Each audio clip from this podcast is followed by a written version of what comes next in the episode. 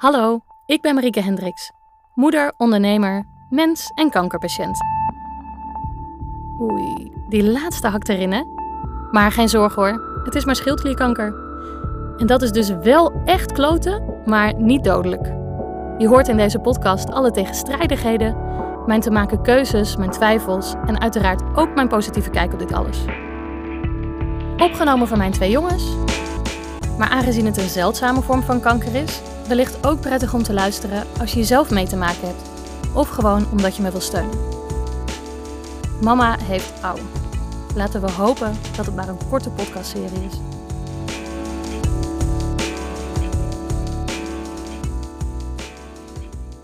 Hey jongens. Nou, het is weer zover. Het is half één s'nachts, ik kan niet slapen. En er gaat al een dag of twee een gedachte door mijn hoofd.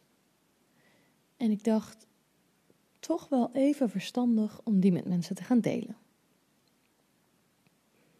Want ik zeg heel vaak dat ik nergens last van heb, dat ik me heel goed voel, dat er niets aan de hand is.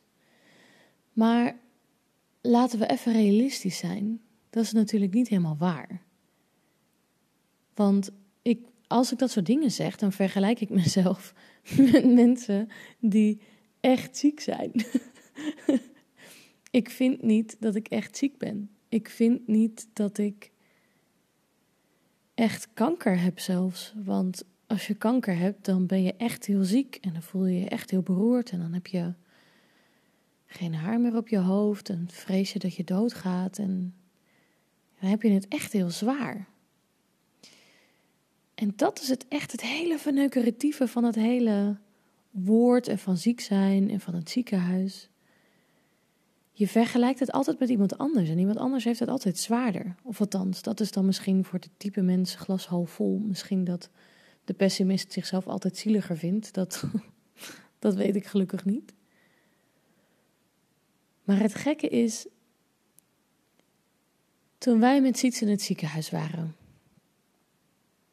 hij heeft op dinsdag 24 augustus zijn been gebroken.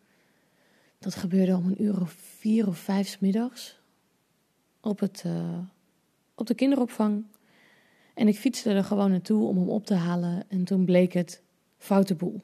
Nou, dat had ik al wel verteld. Dat we dan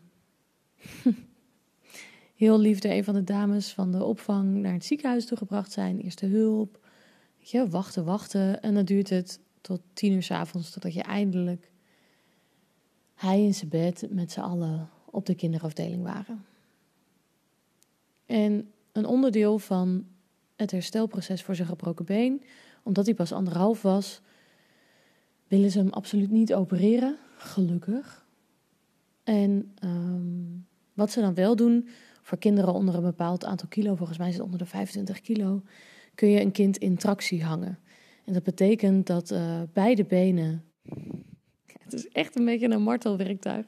Het klinkt echt zo erg. Uh, het ziet er echt zo erg uit als dat het klinkt. beide benen worden um, ingezwachteld, dus met een verband. En daar worden dan uh, gewichtjes aan de, aan de voeten gehangen. En dan trekken ze die omhoog met een, een touwenstellage en gewichten eraan. En nou ja, een, een, een heel systeem. En zo hangt hij dus in bed. En dan hang je dus in een hoek van 90 graden. Benen helemaal recht omhoog. En bij de heupen maak je dan de hoek van 90 graden naar je, naar je torso. En zo heeft hij twee weken lang in bed moeten liggen, hangen. En in het begin was dat natuurlijk uh, super vervelend en raar en eng en pijnlijk en niet leuk. Want zoals je dat vast wel eens kent, dat als je dan in slaap valt, dat je dan uh, denkt ook dat je echt valt. En dan schrik je en dan schrik je even wakker. En je kan je voorstellen hoe dat voor hem de eerste nacht was toen hij eindelijk kon slapen na urenlang pijn gehad te hebben en, en de grootste stress van zijn leven misschien op de bevalling na. Dan weet ik niet zo goed hoe dat is voor baby's. Maar um, ja, ineens met heel veel pijn in een ziekenhuis. Allemaal mensen die aan hem willen zitten, die uh, zijn hartslag willen meten of die hem medicijnen willen geven. Allemaal dingen die natuurlijk doodeng zijn en die zeer doen. En dan elke keer als hij eindelijk in slaap viel, dan, dan kreeg hij een schokje in zijn benen. omdat zijn benen vasthingen in een hele gekke positie, gebeurt het dan veel vaker. Dus hij kon maar niet in slaap komen, want dat deed elke keer zeer. Hoeveel medicijnen hem zou, ook zouden geven, dat, dat is gewoon kloten. Maar goed, een beetje een lange intro naar ehm, waar ik naartoe wilde. Want op een gegeven moment was hij eraan gewend op de afdeling. En in het begin dan wilde het allemaal nog wel. En dan is er genoeg vermaak in het bed omdat er zoveel aan de hand is.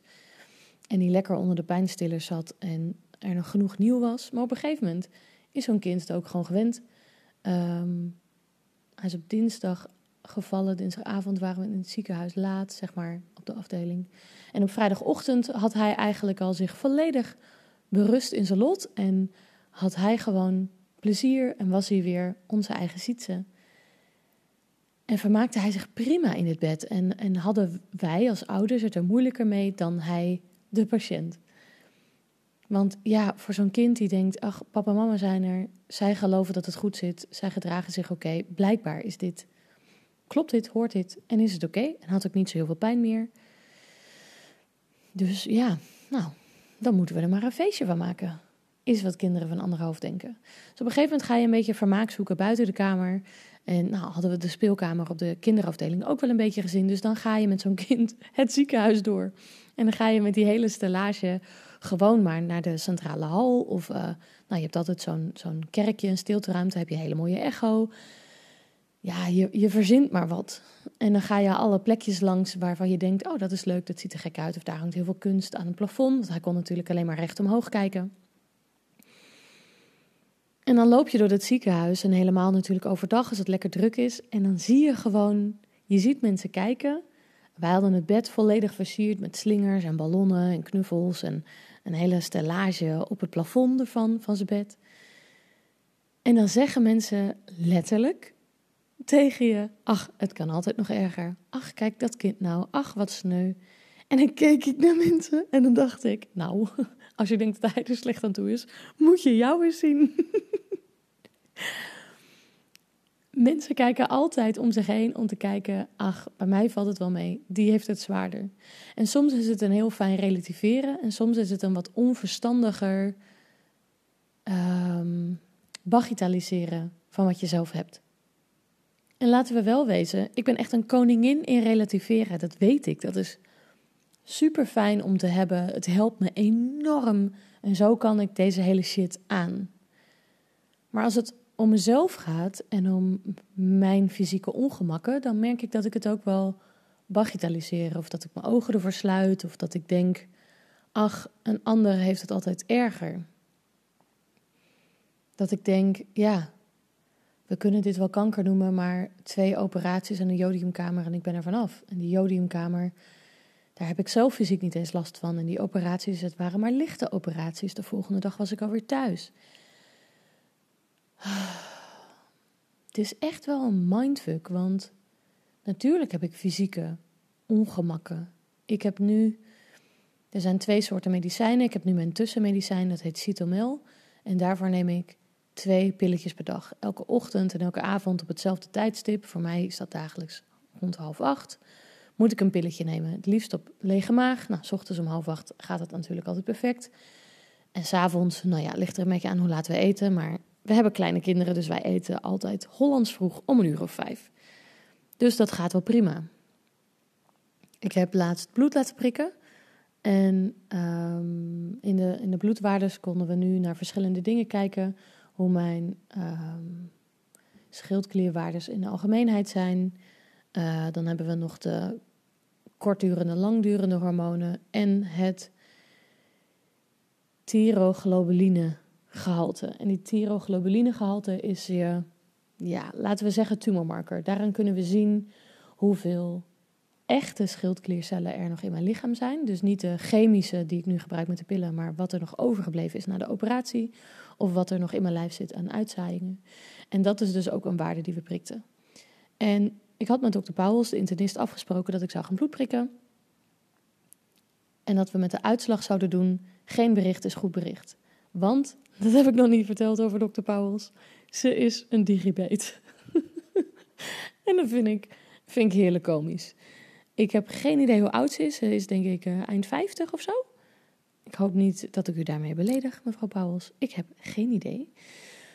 Maar ze is gewoon niet zo heel handig met computers. En dat was met de punctie al duidelijk te zien. Toen was er een, uh, een vrouw bij van, weet ik veel, 25 of zo, verpleegkundige.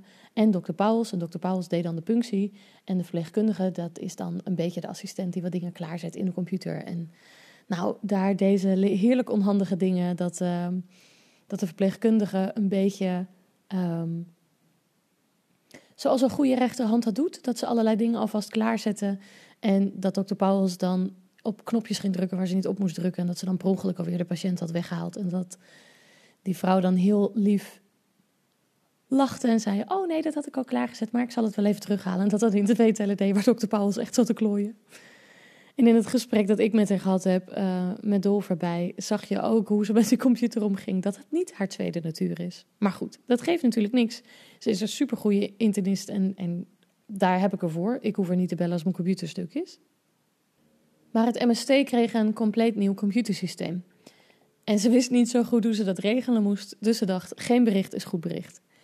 En toen zei ik, oh ja hoor, dat is prima. Corona kwam er tussendoor, dus het duurde een stuk langer voordat ik bloed ging prikken. Ik heb extra lang gewacht ehm, voordat ik er naartoe ging, omdat ik het niet op mijn geweten wil hebben dat er ergens nog een besmettelijke coronacel in mij rondwaart als ik het ziekenhuis inga. Dus het duurde allemaal even voordat ik erheen ging. En daarna duurde het ook even voordat ik wat hoorde vanuit dokter Pauwels. En ik weet dat we hadden afgesproken geen bericht is goed bericht, maar dat zat me toch niet helemaal lekker. Dus ik had op een gegeven moment gebeld om de bloedwaardes op te vragen. En die bloedwaardes, die, um, daar schrok ik een beetje van. Het waren dus die verschillende bloedwaardes. En laten we even bij het goede nieuws beginnen. Um, die teroglobuline die laat zien of er nog tumorcellen in het lijf zijn, die was extreem laag. En daar was ze hartstikke blij mee en uh, super enthousiast, want ik heb met dokter Pauwels daarna ook nog gebeld. En um, dat stemde haar zeer gerust, waardoor ze zei dat het waarschijnlijk met één keer jodiumkamer opgelost zal zijn. Natuurlijk geen garanties, hè, want het is het ziekenhuis, maar een goed voorgevoel. Dan hadden we die langdurende, kortdurende hormoonwaardes. Daar heeft ze niet heel erg over uitgeweid. Daar zei ze wel wat dingen over, maar die heb ik, om heel eerlijk te zijn, niet heel erg goed onthouden. En dan hebben we nog het TSH. En het TSH is, stel jij hebt last van je schildklier, dan is dat ook het eerste wat je laat prikken. En als die niet klopt, ga je verder zoeken. Maar als, die, als je TSH klopt, dan klopt alles. Dat is een beetje de rekensom hoe ze het doen. En mijn TSH was 0,04. Even voor jouw beeld, de eerste keer dat ik hem liet prikken in de zomer, toen ik de bult had, maar we nog niet wisten wat het was überhaupt, dat ik nog niet wist wat mijn schildklier was, was hij 1,8. En 1,8 is gewoon goed. Daarna werd hij wat hoger na de eerste operatie. Toen was het uh, eh, 2,5 geloof ik of zo, weet ik niet precies meer. En hoe hoger, hoe trager, hoe lager, hoe sneller. Ik heb me de hele tijd in het proces zorgen gemaakt over het hebben van een te trage schildklier als hij verwijderd zou zijn en ik medicijnen zou krijgen. Bij een te trage schildklier word je dik, krijg je haaruitval, heb je het koud, heb je geen zin meer in seks, heb je, ben je zo ontzettend moe dat je niet vooruit te slepen bent, ben je uitgeblust, uitgebrand. Ik stel me maar voor dat het voelt als een ontzettende kater, maar ik heb geen idee. Misschien voelt het wel als we het hebben van twee kinderen onder de twee en geen slaap. Maar goed, wie weet heb ik er altijd last van, maar heb ik het niet geweten.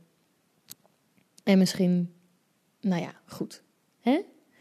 Dus we gingen bloed prikken en toen bleek ineens dat mijn schildklierwaardes juist die zijn van een veel te snelle schildklier. Dus dat ik veel te veel medicijnen krijg.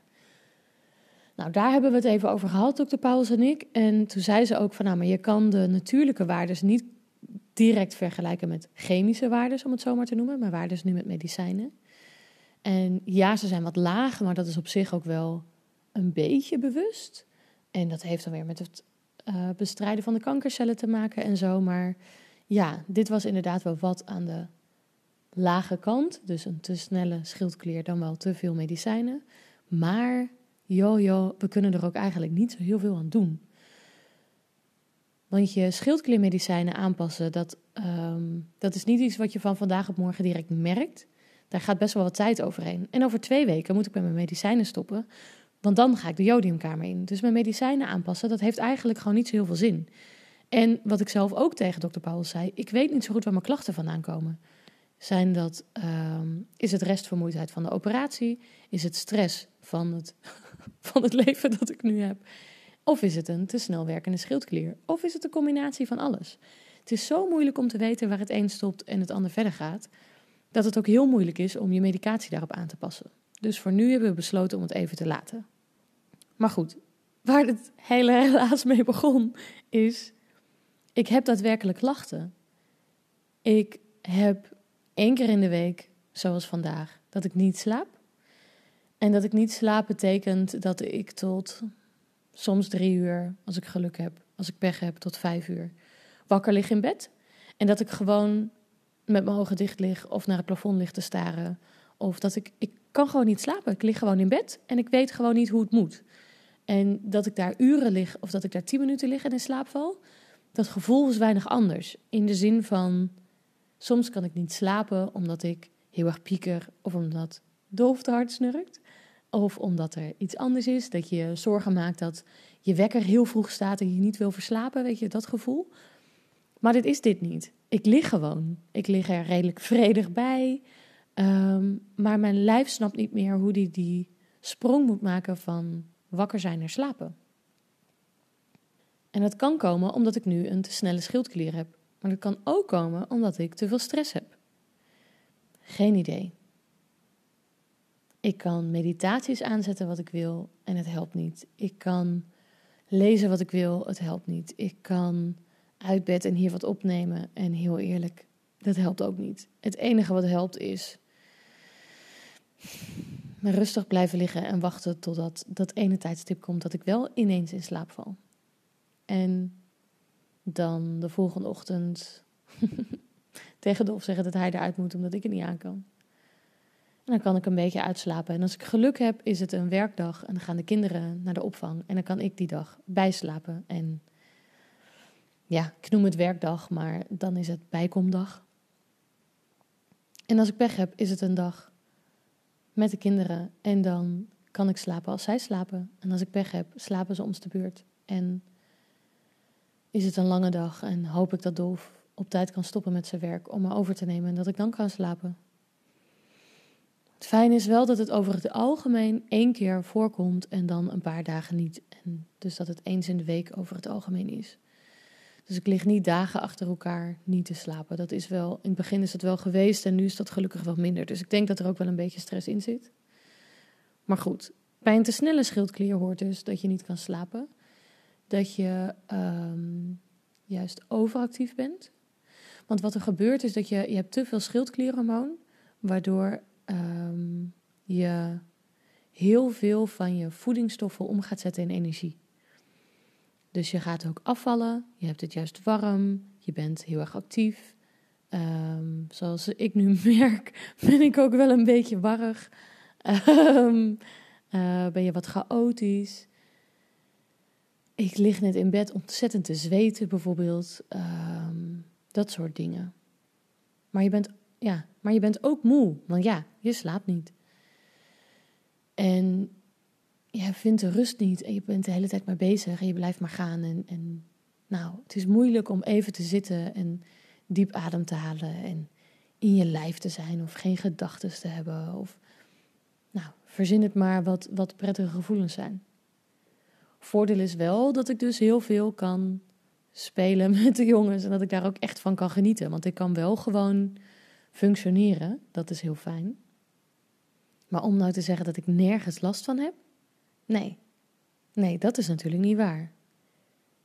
En ik heb kanker. En ja, andere mensen hebben het zwaarder. Hebben heel veel mensen het zwaarder.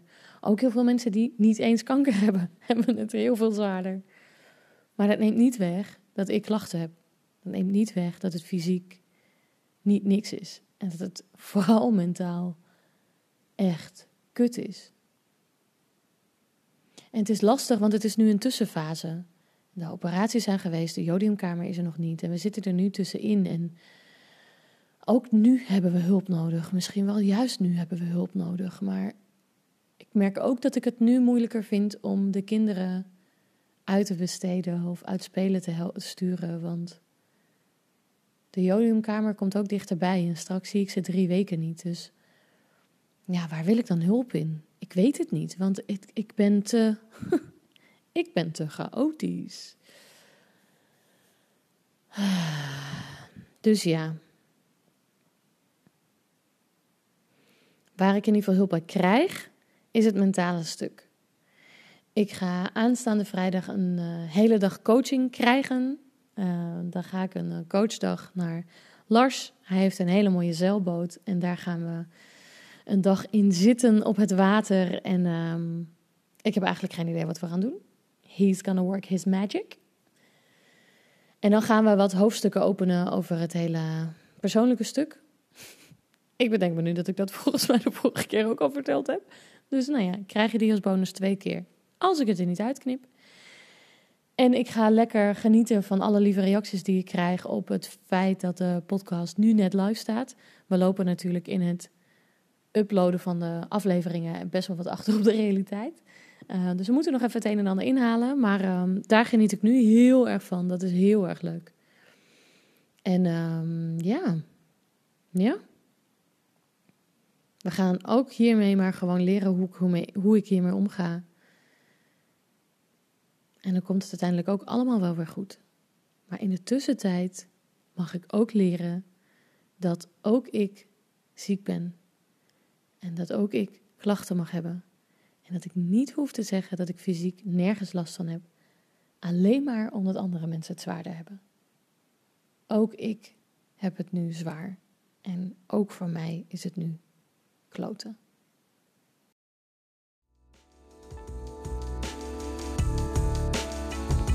Wil je me helpen?